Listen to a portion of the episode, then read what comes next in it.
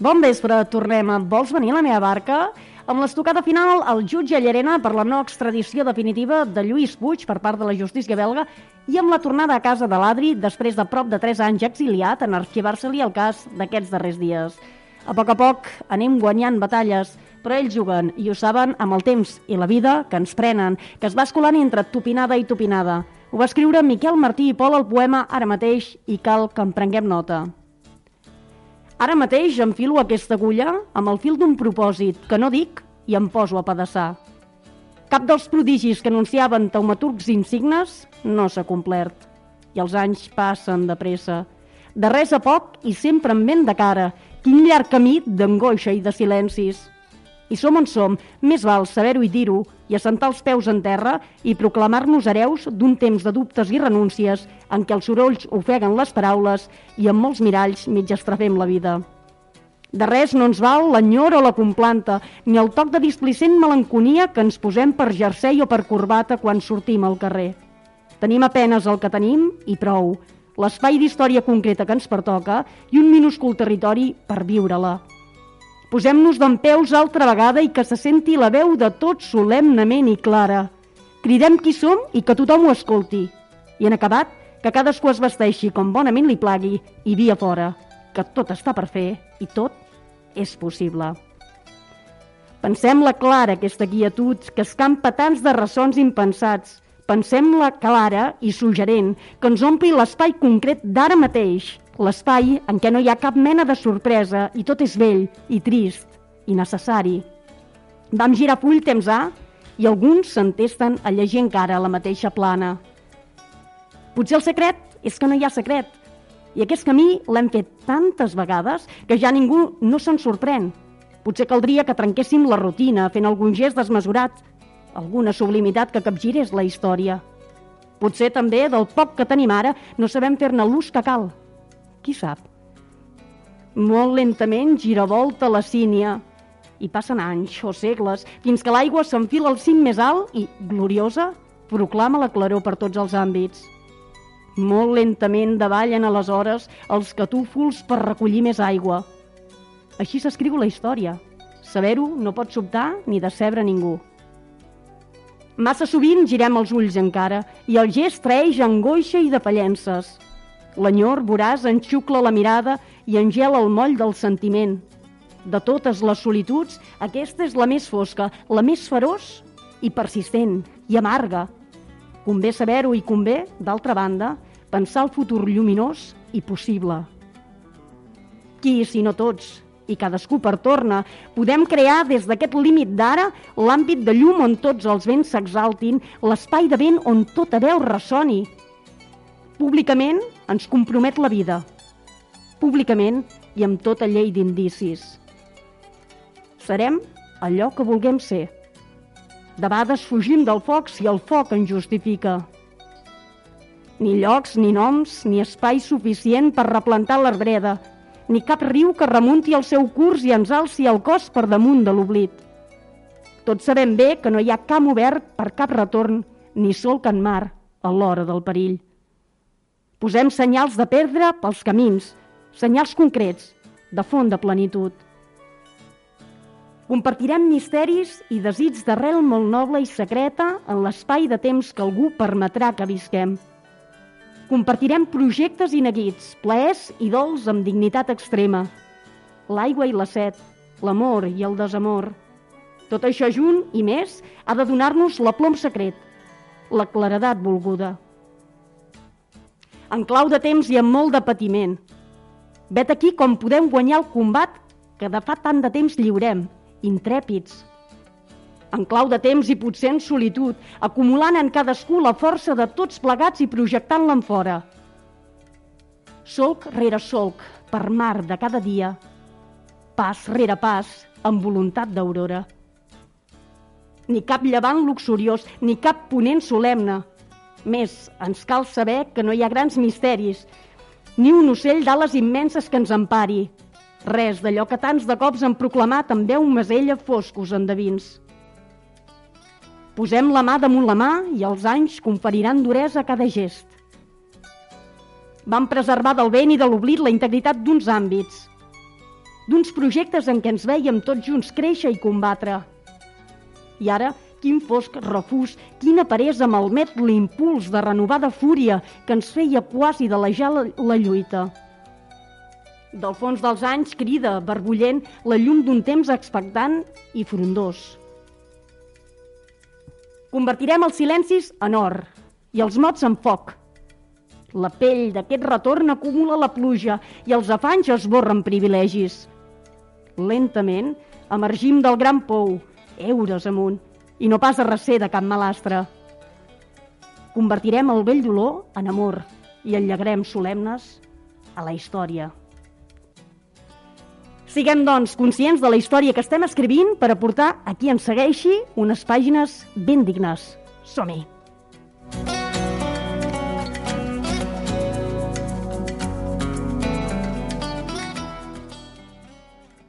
Avui, enllaçant amb tot aquest esperit de lluita i d'exili, és un luxe poder parlar amb una històrica lluitadora, la Blanca Serra, lingüista, germana de la historiadora Eva Serra i de l'activista polític Josep de Calassant Serra, i ho fem per poder conversar-hi com a integrant del grup Coiné, en relació amb el decàleg que van publicar el 14 de desembre, adreçat sobretot als partits polítics que es presenten a les properes eleccions. Bon vespre, Blanca. Bon vespre, bon vespre.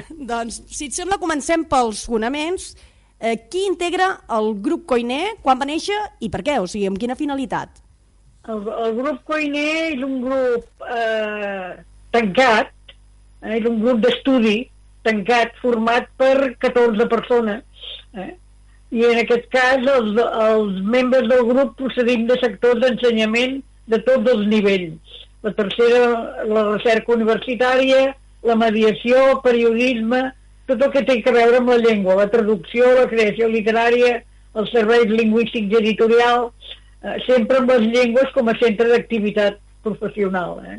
Aleshores, aquest grup és un grup d'estudi que eh, de, moment, de moment, diguem-ne, és tancat i, en tot cas, el que té previst de fer a la, a la llarga és una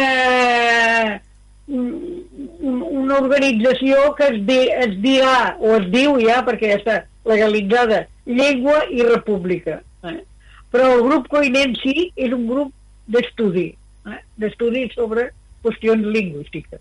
Eh? I aleshores el que estava molt, molt interessat era en veure el tema de la llengua catalana i de la llengua aranesa, sobretot, eh? Eh, en el moment en què hi hagi un canvi polític i tinguem una sobirania pròpia? Què, farà, què, què, què passaria amb la llengua, eh? com està la situació lingüística. Perquè el grup Coiné es va constituir el 4 d'octubre del 2014 i precisament aquell, bé, entre aquell octubre del 2014 i el juliol del 2015 eh, vau dur a terme un debat intern eh, amb l'objectiu de veure si hi havia prou eh, coherència dins dels components per veure eh, cap on havia d'anar aquesta llengua catalana eh, i aranesa en una futura, esperem que no molt llunyana, República Catalana. Estàvem molt preocupats, eh, són els dos elements que ens van, ens van eh, alertar de la situació, és que mm, bé, havíem vist que el, la, la ideologia bilingüista, la idea de que aquí, naturalment, de manera natural, sense més ni menys, eh, som bilingües, eh, espanyol, eh, català, eh, eh, això era una mentida total, eh, eh, no únicament això, sinó que la bilingüització és una bilingüització que ha estat forçosa, històricament forçosa, eh, i amb molta violència a vegades. I, eh, fins que ara sembla que s'hagi naturalitzat i hem d'estar contentíssim de ser eh, bilingüe. I no és veritat, això. Eh? Vull dir, això. Aquest era un tema que ens preocupava moltíssim i aleshores volíem treballar sobretot amb la, amb la gent que eh, ja està organitzada i que està alerta amb el tema de la llengua. Eh? I això hi entrava l'Òmnium, hi entrava la, la Plataforma per la Llengua, hi entrava eh, la llengua nacional, una, és a dir, que nosaltres com a societat realment estem donant moltes possibilitats de discutir el tema lingüístic i de debatre'l. Eh? I aleshores eh, això és un... és un grup que, es pre que pretén realment que no, aquest tema no es, no es deixi de banda. És un tema que considerem que és de, bueno, de, és un tema d'estat d'estat per nosaltres i evidentment també d'estat per, per, per l'estat espanyol que està entossudit eh, acabar amb, amb, amb, el, amb la llengua catalana i, i, i evidentment amb l'aranesa també. I aquesta idea d'una sola llengua, una sola nació, un sol estat, eh, eh, és molt perniciosa. Bé, i el, el poble català constantment ha d'estar vetllant perquè no li treguin els seus drets lingüístics. Abans parlaves eh, d'Òmnium Cultural i, de fet, la primera acció pública que va fer el grup Cuiner eh, fou la proposta a la direcció d'Òmnium Cultural de fer una declaració que fixés allò que, segons Òmnium, eh, caldria tenir en compte quan s'establís el règim jurídic de les llengües per a aquesta futura república catalana. Uh, sí, però sí. després uh, d'aquesta acció n'heu anat fent d'altres abans, eh, de, que ja hi arribarem, de, uh, de, de donar a conèixer aquest decàleg al qual fèiem referència abans. Sí, sí. Uh, bueno, amb Òmnium Cultural hem tenir, perquè tots som socis d'aquesta d'aquesta entitat, no? Eh, vam tenir una conversa quan eh, era la, la, la presidenta, la Muriel Casal, eh, en Pau Descansi, i aleshores eh, vam promoure que l'entitat aquesta Òmnium Cultural no podia deixar de dir coses que potser feien por dir-la o que feien eh, eh que, que hi ha problema perquè siguin eh, discutits sense o debatut sense, sense eh, posar entrebancs, eh? i aleshores amb això vam quedar eh, d'acord que la Carta Europea de les Llengües Minoritàries i el polilotisme i el multilingüisme, tot això eren coses que no, no podíem deixar-les de banda? En el cas de discutir o debatre què és el que volíem pel nostre país eh, i per la nostra gent eh, en general, sigui d'on sigui la gent que viu aquí i que vol ser d'aquí, eh, doncs eh, el tema de la llengua no es pot deixar arraconat. Uh, després també vau crear, l'octubre del 2015, el lloc web País de Paraula. Sí, això de moment està, bueno, uh, és una eh, està, eh, està en aquest moment sense funcionar, eh? però no, no deixem de pensar que algun dia tornarà a tenir-se com a un, una, una mena de paraigua general lingüístic en què eh, puguem dir la nostra amb, amb, molta, amb moltes possibilitats de, de que això continuï. Eh? Però de moment eh, eh, el que ens hem dedicat ara aquests dies és de recollir la, immensa quantitat de comentaris favorables i desfavorables eh, que hi va haver en el manifest Coiner. Eh. I això ara sortirà molt aviat un llibre en què recollim no tots, perquè va haver-hi més d'un miler d'articles eh, sortits dels diversos mitjans de comunicació eh, vam fer-ne una, una selecció dels favorables, dels no tan favorables i dels desfavorables completament, eh? i eh, ens hem, eh, ens hem eh, distribuït aquest material i per comentar-lo. Eh? I en aquests moments ja està, aquest, aquesta fase ja està coberta i ara entrem a la fase de eh, publicar-lo. I pensem que continuarà sent molt polèmic, eh? perquè aquest, te aquest tema, el, que, el tema del futur del català i de si som o no som, o hem de ser o hem de no ser bilingüe, eh, és molt controvertit. Eh? És una cosa que fa molta por, senzillament. I el que s'atreveix, el que gosa eh, enfocar-ho eh, en profunditat, doncs corre el risc de ser mal interpretat o de ser mal, mal vist, senzillament. Eh? Ara, cada cop hi ha més gent, eh? més gent que se, se n'adona d'això, que si vol salvar la llengua no té altre remei que enfocar les coses amb tota la cruesa que hi, que hi hagi possible. No? Anem al decàleg eh, Coiner que vau eh, presentar o que vau publicar el 14 de desembre, eh, adreçat a, sobretot als partits polítics, tot i que també s'hi poden adherir persones a títol individual. Um, sí. Exactament per què eh, redacteu aquest eh, decàleg eh, i com, com és que neix aquest decàleg? A veure, això, la idea era eh, estem davant d'unes eleccions autonòmiques un cop més. Eh?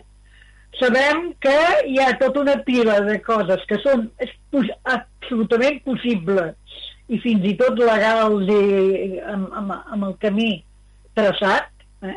però que no es, deix, es deixen sense, sense mm, enfocar-los. Eh? Hi ha el codi de consum, per exemple, hi ha el, el, tot el tema de l'ensenyament en els difer diferents graus i la, les possibilitats d'utilitzar o no el català en, el, eh, en, en forma d'immersió lingüística, hi ha tota una sèrie, hi ha els requisits imprescindibles perquè, de, que han de dominar el català els treballadors de totes les administracions públiques, no admetem, perquè no és possible tampoc un, que sigui, sigui un simple mèrit, etc.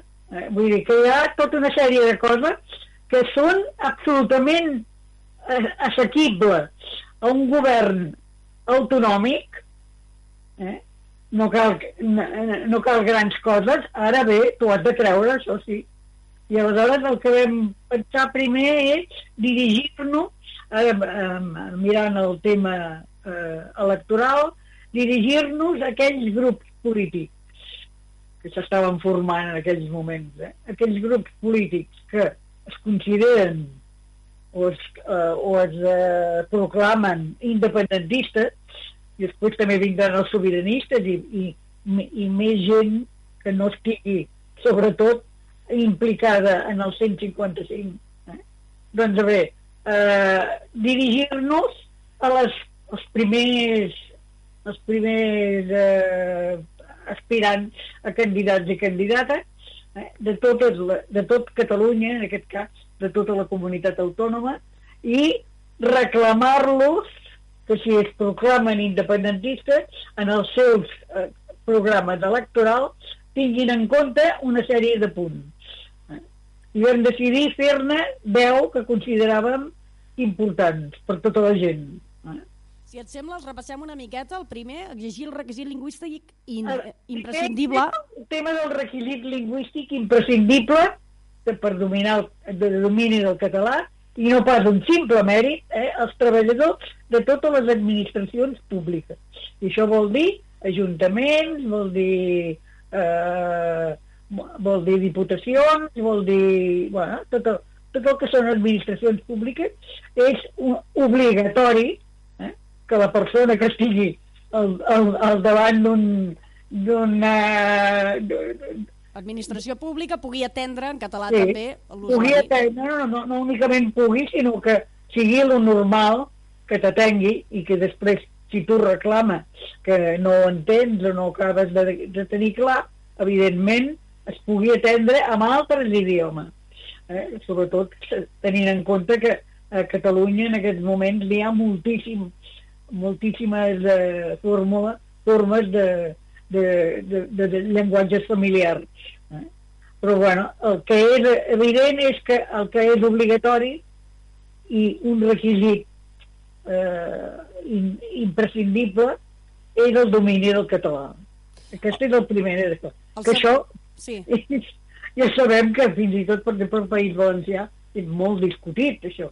Totes les formes les forces anti eh, anticatalanes, no? Anti d'això, doncs hi estan en contra. Eh? I diuen que ha de ser només un... Un, un mèrit. Un mèrit, no? No pot ser, no pot ser que un treballador d'un taulell públic eh, se li consideri un mèrit saber la llengua d'aquell país. Això és inimaginable en qualsevol estat normal i corrent.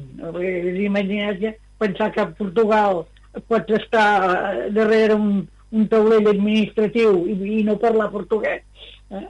i no entendre el portuguès o fer veure que no l'entén, etc etc. Qui diu això doncs diu a Grècia, o diu a Lituània, o diu a qualsevol estat d'aquests que és normal eh, que es, es tingui en compte que a, la, a les persones han de saber per atendre. La llengua, la llengua d'allí. La uh, llengua del país on estan vivint.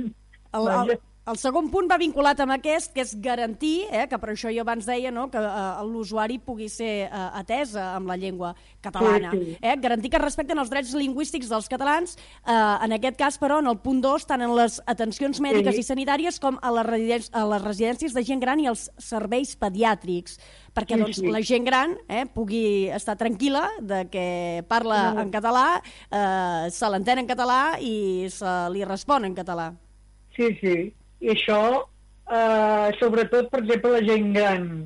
Eh, és molt trist veure unes persones grans en una residència eh, que no són atesos, eh, que, eh, molt sovint tenen problemes per entendre a la persona que, que se'ls dirigeix. Això no pot ser. Això no, no, no, no ho han d'acceptar de cap de les maneres i les criatures igual. Els serveis pediàtrics eh, han d'estar atesos amb la possibilitat de parlar en català si la criatura mm, és catalana, és, és, és d'aquí o sap parlar el, la llengua d'aquí. El... Això és una, una derivada, diguem-ne, de, la, de, la, de la primera exigència de fet. Sí. Eh? El tercer Però, punt eh, va vinculat amb l'escola, és iniciar l'escola, eh, i això donaria molt per parlar, eh? un, un nou procés de normalització que creï les condicions, seguint metodologies ja experimentades, com ara la veritable immersió lingüística, perquè els infants ja de menut s'acostumin a utilitzar entre ells la llengua catalana, que cal tenir en compte que dins del grup Coinet també hi ha el Joaquim Arenas, eh, que és el gran impulsor de la immersió lingüística, sí, i, sí, sí. i doncs que ara eh, encara eh, s'hagi de posar sobre la taula aquest tema, eh, realment eh, això fa que se'n pugui parlar molt de tot plegat, no? Què ha passat, això, què s'ha fet bé i què no s'ha fet bé. Aquest tema, només aquest tema ja dona de sí moltíssim, perquè el tema del pati, el tema de les, de les, eh, les, les, eh, les eh, la, la, la gent que fa altres coses a, a dintre de l'escola, etc. Eh? I això eh, no hi ha cap norma que digui que no es pot fer d'aquesta manera. Eh? El... Que no es pot fer. Vull dir, eh, que, eh, et forcen el 25%. Això no ho diu cap, cap llei que realment eh, sigui la, la gran llei de llei, és a dir, la Constitució. Bé, el problema que hi ha amb les escoles, però, és que tampoc ningú vetlla perquè es compleixin els requisits no. de, del 25%, del 100% o del no, no, 40%. Clar, és igual, qualsevol percentatge. Hauria d'haver-hi una inspecció, una inspecció absolutament lligada en aquesta possibilitat de que l'escola sigui un dels elements importants que fan, que ajuden a les famílies eh, a inserir-se, a arrelar-se en aquest país.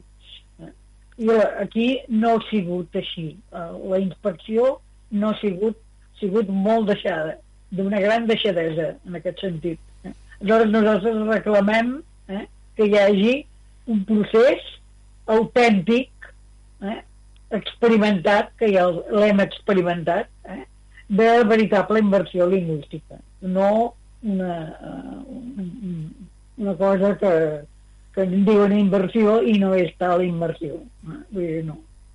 Això es pot complir perfectament si hi ha una, un, un, al darrere eh, un país que funcioni a, a, a nivell d'això. Eh, I és, és possible. Tot, totes aquestes coses que d'aquest decàleg són absolutament possibles. Ara, cal creure-se-les, això sí. Cal creure-se-les eh, i si no ho fem tenim un greu problema. Eh? Eh, el, el quart i el cinquè punt van eh, més o menys vinculats eh, amb aquest eh, tercer punt de l'escola, eh, perquè doncs, parlen de que el català eh, sigui la veritable llengua vehicular i d'educació a tots els nivells i graus escolars. Eh, el, bé, I continua eh, el punt 4, i el 5 seria impulsar de manera més adequada i eficaç possible que el català sigui també la llengua vehicular a les activitats esportives, o sigui, que se'n vagi no només, eh, que es quedi no només només a l'escola, sinó que també se'n vagi cap a les activitats esportives i de lleure infantils i juvenils. És molt important. És molt important perquè, si no, la següent generació ho haurem perduda que és el problema que ja comencem a veure, eh, que la llengua en els més joves, eh, entre ells, eh, a vegades fins i tot entre persones catalanoparlants, eh, no esdevé la llengua d'ús. Mm? Persones catalanoparlants a casa, després entre els amics doncs, eh, no fan servir el català. Eh, el, el sisè punt ja fa referència a un altre àmbit, que seria el, el de els drets com a consumidors que tenim, eh? eh sí. i, i, I diu això, establir i activar els protocols adequats per assegurar permanentment que les administracions públiques i les entitats i empreses públiques, semipúbliques i privades compleixin allò que disposa l'article 128 del Codi de Consum sobre els drets lingüístics dels consumidors i, i usuaris, no? perquè també voldríem eh, poder eh, tenir la, la informació sempre en català. Sí, sí, sí, sí, clar. Ah, I tu compra un medicament i espera't que hi hagi una, una instrucció en català i, a sobre que s'entengui. Doncs no. Eh? Hi ha un codi de consum que es pot complir al 100%. Ara bé, ara, hem de creure-ho. Això, aquest, és, aquest és el problema, no? És a dir, que no es tracta únicament de posar una llei i de, i de, i de dir-ho així, sinó que fer-ho complir realment. Eh? I això jo crec que és possible. Eh? És possible tenint un, un, un govern que s'ho seriosament. El setè punt fa referència als mitjans de comunicació públics i el fet d'estar de, vinculats eh, els uns amb els altres en les, diferents, eh, en les diferents zones de parla catalana, que seria un, bé, un element clau eh, per la vitalitat d'aquesta llengua arreu del domini lingüístic i, i bé, i que sembla que sigui molt complicat a vegades aconseguir-ho.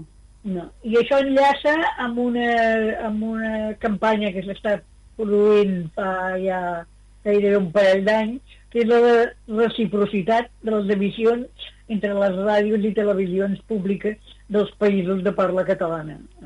És a dir, que nosaltres necessitem saber què fan els valencians, què fan els, els de les illes, eh, què fa la Catalunya Nord, eh, i poder, perquè això és absolutament normal a la resta d'Europa, eh, eh, poder intercanviar contingut, intercanviar veus, intercanviar accents, eh, eh, intercanviar persones que fan teatre o que fan eh, locució de, de tota mena, etc. Eh? I això eh, és un problema tècnic, però sobretot és un problema polític i cultural. Perquè ara això... sembla que en comptes de sumar, no?, que és el que hauríem d'intentar aconseguir, oh, oh, ostres, resta. Que, si vols acabar amb una llengua, el primer que has de fer és treure-li uh, la germanor, aquesta germanor que, que seria el que aportaria aquesta reciprocitat. La, la unió fa la força i si no en castellano, divide però venceràs, doncs eh, és això. Sí, sí. Sí, sí, va, va així, això. I ara, això és, és una campanya que està avançant molt en aquests moments, eh? que està eh, eh, interessant a tota una sèrie de gent, de locutors, d'actors, d'actrius, eh, gent dedicada a la llengua, eh, dobladors, eh, eh, subtituladors, etc. És tota una indústria enorme eh, que la necessitem perquè es, pas, es parli de... puguem intercanviar continguts de saldo de guardamar, de fragamó, que diuen no. El, el vuitè punt precisament va encaminat amb això una miqueta que estaves comentant ara, que és el català en el cinema. O sigui que a vegades sembla això també un, una, una cosa impossible, eh, aconseguir que s'emeti cinema en català i, i bé, i que es consumeixi eh, massivament, que d'altra banda hi ha campanyes de, del Consorci com el 5, eh, que quan se fan eh, cinema en català dins d'aquest programa realment es desborden eh, les, les sales i s'aconsegueix èxit amb cinema en català, però eh, a l'hora de la veritat, eh, si no hi ha al darrere doncs, una campanya com aquesta, eh, costa molt que s'aposti pel català, eh, que ho facin les, eh, les empreses i que des, mm, sí. les empreses cinematogràfiques i que després també hi apostin a, als cinemes, no? Utilitzen arguments tècnics i econòmics eh, quan de fet són polítics i són això, vull dir, es tracta de, de no, no donar-te ala. Quan va, donen, obren una mica la mà, de seguida es veu que hi ha demanda, molta demanda. Eh? I demanda de qualitat, a més, no únicament de, de coses mm, poques soltes. No, no, no. Hi ha demanda i demanda bona i demanda de qualitat, eh? Mm. però el que no hi ha és voluntat política. Sí. En aquest cas de, eh, es disfressa d'economia i de, i de, i de qüestions tècniques, eh, quan de fet no és així. Eh, el Parlament Europeu, eh, en aquest cas ara s'està a punt de discutir la llei de l'audiovisual. I això serà importantíssim. Eh?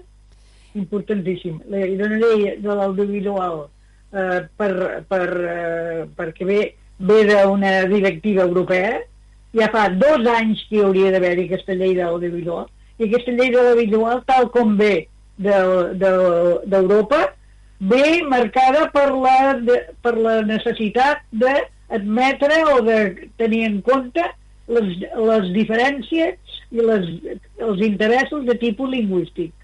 Eh? I això és la que ens temem molt eh, que ho vulguin retallar a Madrid, sobretot hi ha d'haver-hi una llei de l'audiovisual discutida al Parlament espanyol i una llei de l'audiovisual debatuda en el Parlament autonòmic català.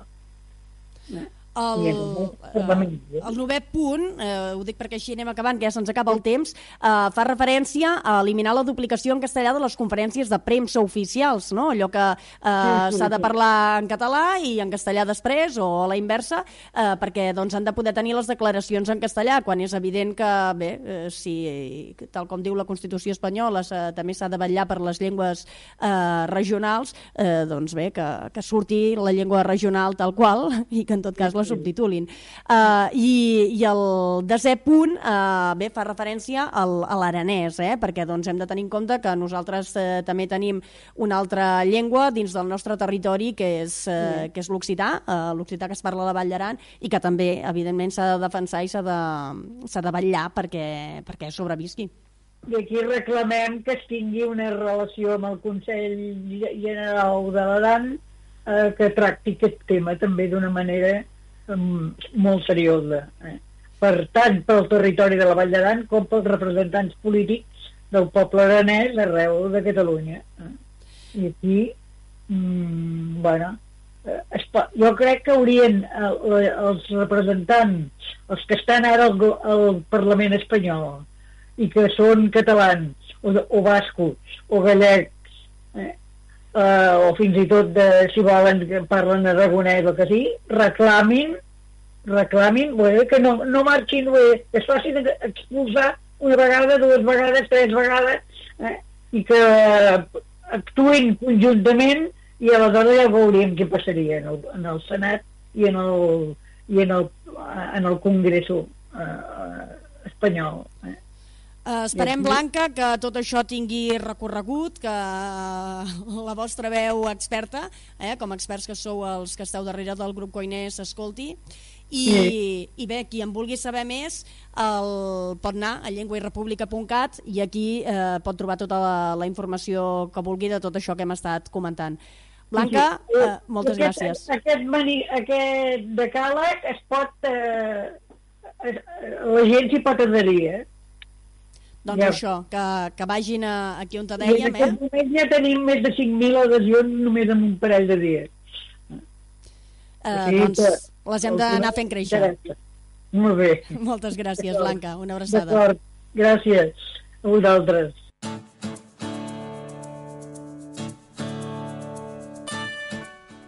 I fins aquí arriba el programa d'avui i tornarem, si la pandèmia ens ho permet, la setmana vinent. Recordeu que ens podeu escoltar cada dijous a les 8 del vespre en primera transmissió i el dissabte a les 10 del matí en segona, per parlar de literatura i de cultura catalanes des de la nova ràdio, perquè creiem que és important acostar-vos als nostres autors i a la nostra cultura més propers. Ja sabeu que, mentrestant, podeu escoltar aquest programa o els antics sempre que vulgueu a través del web de la nova ràdio, lanovaradio.cat. Llegiu, la lectura ens fa lliures. Música